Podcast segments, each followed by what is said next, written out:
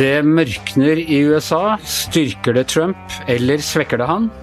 Og nå får det være måte på, skriver VG på lederplass. Og hva, hvilken måte er det det er nok av? Det skal vi diskutere i dagens utgave av Gjever og gjengen, hvor jeg har med meg politisk redaktør Hanne Skartvedt og kommentatorene Astrid Mæland og Hans Petter Sjøli. Og for å gå til eh, USA først, uh, Hanne.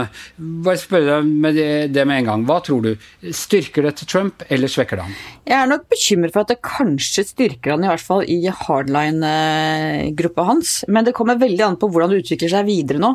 Hvis mange føler at si, opprøret tar overhånd og han blir den sterke mann, så kan det styrke han. Hvis, uh, uh, men det kan også gå andre veien. Men jeg er redd for at det styrker han, ja. Hva tror du, Anders? Nei, altså, jeg vet ikke. Jeg ser mange drar parallellen til 1968 for tiden. Og, og det var jo det store opprøråret i Chicago med demonstrasjonene mot Demokratenes landsmøte, og man satte inn nasjonalgarden og alt sammen.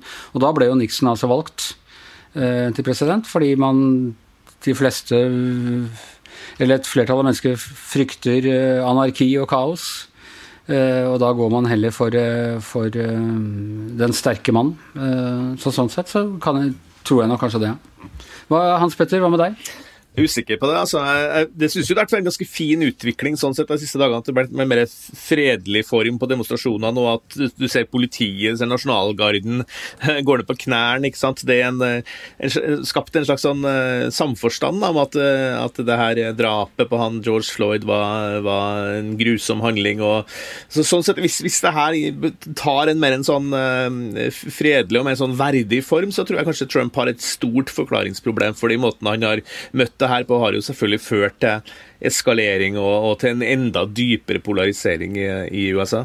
Jeg tenker da særlig på dette stuntet hvor han øh, har da kommet ut av bunkersen sin i Det hvite hus, og man bruker, uh, man bruker uh, tåregass og, alle mulige sånne antiterrorgrep for å rydde vei, så han kan marsjere opp til den kirken ved Lafayette Square og, og sånn. Det er selvfølgelig Det opprører alle Trumps motstandere, men for tilhengerne så viser jeg, signaliserer han jo en, en uh, form for styrke her. Og ja, altså det er mange fredelige ting ved disse protestene, og mange fredelige elementer. Og dette med politiet i New York som knelte Uh, i, i uh, sånn samforståelse med, med, de som protesterer. Men det har også plyndring av Macy's midt på Manhattan.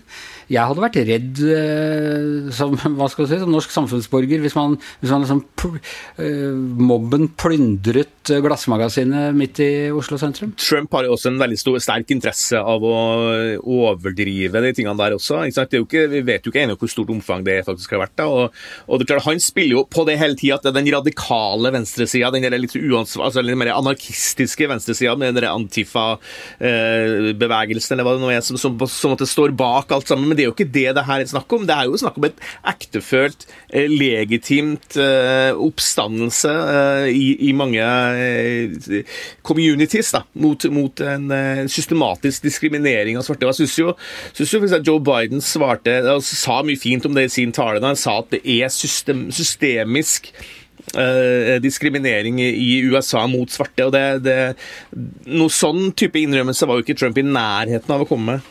Nei, Så de svarte stemmene det får han ikke ved dette valget, men de hadde han vel ikke forrige gang heller, Hanne? Nei, men store majoriteten av uh, svarte stemmer jo alltid på demokratene. Du ser det i en by som Washington DC, hvor det er veldig veldig stort, uh, stor andel African Americans. Der vinner jo demokratene alltid. Problemet forrige gangen var jo at det var så få av de, de, miljøene som stemte. Nå er jo kanskje her en mobilisering for å få enda flere av dem til å gå til, til å delta i valget da, i, i, når det er november. Det er godt mulig. Man ser jo også at Biden er mer populær blant afroamerikanere enn det Hillary Clinton var, selv om hun var også da langt mer populær enn Bernie Sanders uh, igjen. Men uh, Hanne, du, du, skrev en ganske mørk kommentar i går, men du sluttet med en liten, hva skal man si, en strime av uh, lys uh, aller nederst under blendingsgardinen. hva tror du skal til for å lette den situasjonen som er nå? Jeg tror den lille strimen av lys bunner i min store kjærlighet til USA. Det som skal til, er hvis det trer fram noen lederfigurer. Hvis f.eks. Joe Biden klarer å, å, samle folk bak seg, eller hvis det trer fram noen lederfigurer, hvis demonstrasjonene roer seg og, og, man får noe som kan samle USA igjen. Grunnen til det lille håpet mitt var jo at USA har jo overvunnet veldig mange tunge slag. De hadde en borgerkrig på 1860-tallet for å få slutt på slaveriet. De har hatt uh, tunge 60-tall med borgerrettsstrid. Det har vært mye konflikt og mye voldelig konflikt i USA opp gjennom historien, men de har alltid klart å, å komme seg videre. Det er jo dette med at de skal sant, strever etter en stadig mer perfekt union. Og de vet de kommer aldri dit, men de vet at det å streve for det gjør at det blir litt bedre for hver gang. Så jeg tror at USA, eller håper i hvert fall, at USA igjen skal klare å komme seg videre. Men nå er det jo også sånn USA, det er det store, hva skal du si, mest, kanskje mest vellykkede multikulturelle eh, eksperimentet i, blant eh, alle nasjoner. Eh, det er et land bygget på toleranse, ikke nødvendigvis voldsom kjærlighet mellom de forskjellige folkegruppene, og sånn, men, men en toleranse. Brooklyn og Michigan og i det hele tatt, man bor, folkegruppene bor tett på hverandre, og de tolererer hverandre. Men det er jo alltid vært én gruppe som har fått den korte enden av kosteskaftet, som de de sier der borte. Og eh, det er nettopp eh, de svarte. Og Hans Petter, eh, Trump er jo hele tiden blitt beskyldt for å sånn, uh, bruke en slags hundefløyte. Altså uh, kommunisere et rasistisk budskap uten å uttale det helt eksplisitt. gjør han det nå? Altså, jeg synes kanskje det, den, Når han vandra over der og til den kirka og holdt en bibel i handa, det synes jeg det var noe av det drøyeste jeg har sett fra Trump noen gang. Eh, da, det nærmest som han, han viste at uh, han, han, representerer den understrømmen i amerikansk offentlighet som på en måte sidestiller kristenhet med det hvite, nærmest. da, ikke sant? Og, og jeg så på, Det var vel i Washington Post i dag, så var det en veldig kjent fascismeforsker som heter Frederico Finchelstein, da, som mente at altså, Han tok i veldig hardt og sa at det her var noe som Goebbels ville vært stolt av, det, altså det opptrinnet til, til Trump. Så her er, vi, her er, vi, over i noe som jeg, som jeg, Jeg syns det var, det var noe, altså det har vært mørkt fra starten av, til og med innsettingstalen til Trump var ekstremt mørk, men her flørta han ganske mer tydelig med sånne eh, ja, stereotypier om ting. Men Forklar meg hvorfor det. altså hvor, Hvordan flørter han for det ved å holde i Bibelen? Jeg mener, altså Obama var jo også en bibelmann og kristen og, og i det hele tatt. Ja, Trump, For det første så tror jeg ikke Trump er kjent for å være så veldig kristen, egentlig. Han fikk jo spørsmål om hva som var favorittsitatet eller favorittdelen av Bibelen. Han sa all of it, som han sa.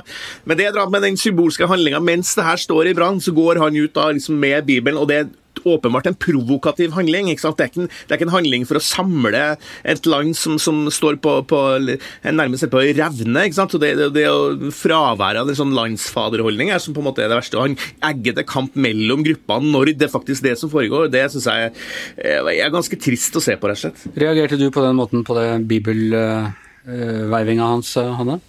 Ja, og, og, og, det som jo skjerpa det veldig, var jo forhistorien. Nettopp det at han fikk rydda plassen for fredelige demonstranter, brukte gummikuler, tåregass mot folk utenfor Hvithus for å kunne gå og få den fotoppen. Så det var jo hele sammenstillinga.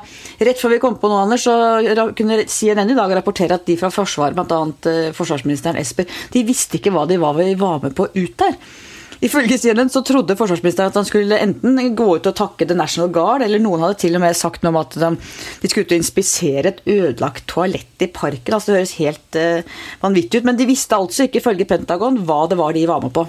Det er litt uh, imponerende hvis vi tror at Trump skal ut og sjekke en ødelagt dass i parken på Lafayette Square, og at han kommer ut av bunkersen for det. Det er ikke sånn han har pleid å holde på, i hvert fall. Nei, det hørtes uh, veldig rart ut. Nei, uansett, det er dramatiske dager i USA. Jeg hadde Thomas Nilsson, vår, uh, vår mann i USA nå, både som fotograf og skrivende journalist på podkasten her i går, og han, han gir en ganske skremmende, vil jeg si, førstehåndsberetning derfra. Litt mindre dramatikk her hjemme, det må man si. Vi lever i et fredeligere land. Uh, Sylvi Listhaug vil ha bompengefritak. Energibransjen vil ha skattelette. Bøndene vil ha penger til melkefjøs. Og alt av uh, korona. Nå får det være måte på, skriver VG på lederplass, Hanne.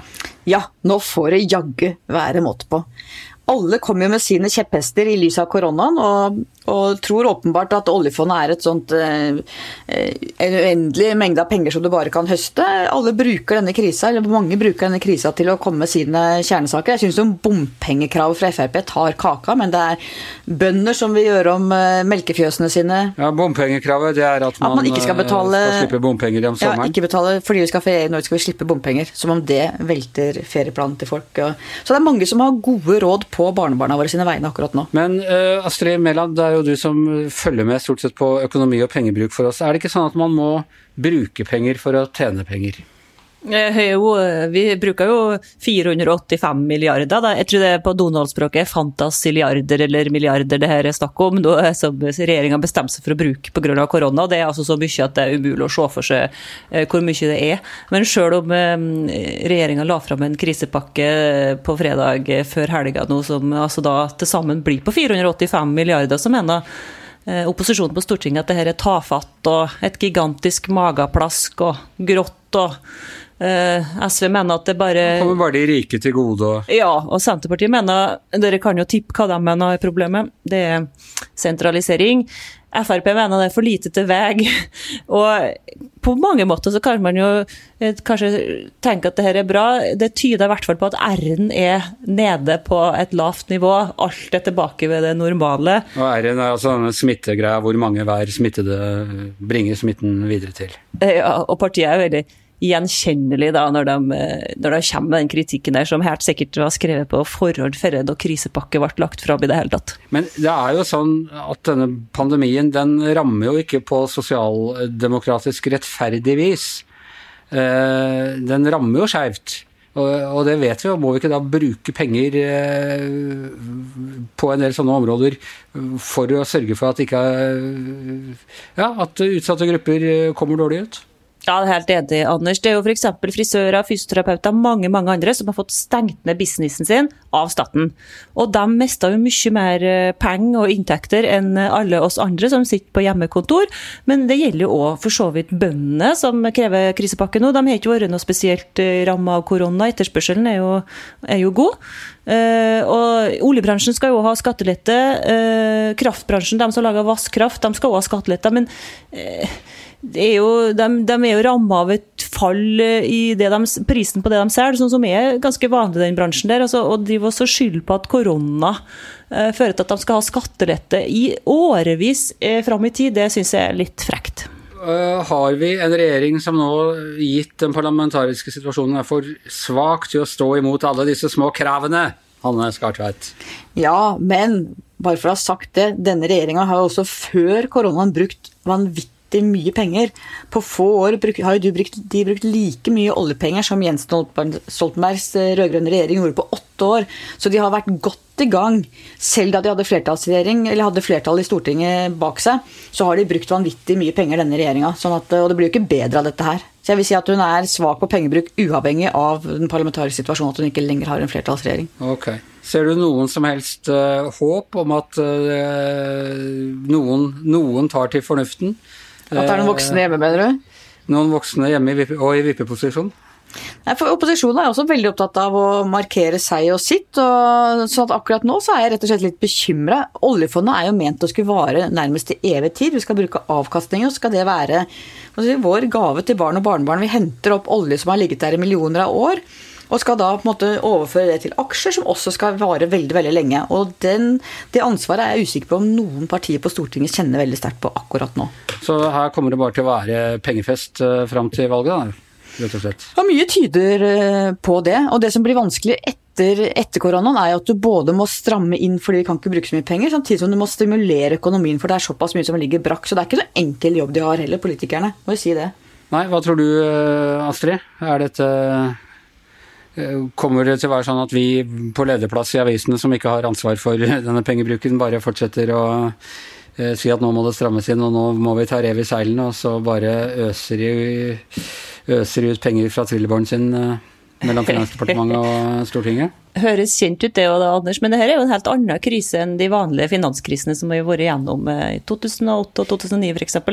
Økonomen kaller det på en måte en sånn krigsøkonomi. Det er jo ikke at eh, vi trenger å pøse penger på alt for å holde hjula i gang. For eh, folk vil jo rett og slett ikke eh, ut og fly. De vil rett og slett ikke handle like mye som før. Og de vil ikke på restaurant. Hjelper ikke da å, å, å pøse på med penger, men det som er oppgaven til politikerne er jo, sånn som du var inne på i stad, det rammer skjevt, og de må fordele de byrdene sånn at det ikke blir så urettferdig. Sånn at de som er hardest ramma, får mer hjelp, og de som har gode bedrifter som var sunne før koronaen, eh, at de eh, skal, skal klare seg og slippe å gå konkurs til til vi får normale tilstander igjen. Ok, Hvordan skal vi da prioritere? Hvem er det som må ha penger, og hvem kan vi og hvem kan eh, Først og fremst så er det selvfølgelig media. Nei da, jeg bare tuller. Ja, nå er det blitt så ustabile ting i sånn om vi har Nei, det er jo selvsagt umulig, umulig sånn som du sikkert er inne på, det er umulig å treffe helt rett. Ja. Det blir noen som sniker eh, Det er avsløringer allerede på at folk utnytter situasjonen, bedrifter utnytter situasjonen, og det, at ordningene treffer for bredt. For det går jo ikke an å, å, å sikte helt rett her. Det er noen som får for mye, og noen som får for lite. Men det er jo særlig dem som blir ramma helt eh, ufrivillig, får stengt ned businessen sin. Eh, De tar en større byrde enn alle oss andre. Enig i det, Hanne, eller har du andre Ja. prioriteringer? Absolutt, og det er klart alle de som er, eh, er permittert, og særlig de som har mista jobben, det er klart at de trenger noe ekstra håndslag her. Eh, Og som Astrid var inne på, alle de som sitter og har beholdt jobben og beholdt næringsgrunnlaget, vi bør kanskje ofre litt. Så ingen krisepakke til oss i Giæver og gjengen i denne omgang, men hvem vet i neste om vi kan trenge noe? Vi er i hvert fall slutt for i dag. I hvert sitt hjemmestudio, Astrid Mæland, Hans Petter Sjøli, Hanne Skartvedt. Jeg heter Anders Giæver, og mannen som passer på at vi budsjetterer riktig med vår spartansk tilmålte tid, heter Magne Antonsen og er produsent. Vi snakkes igjen i morgen.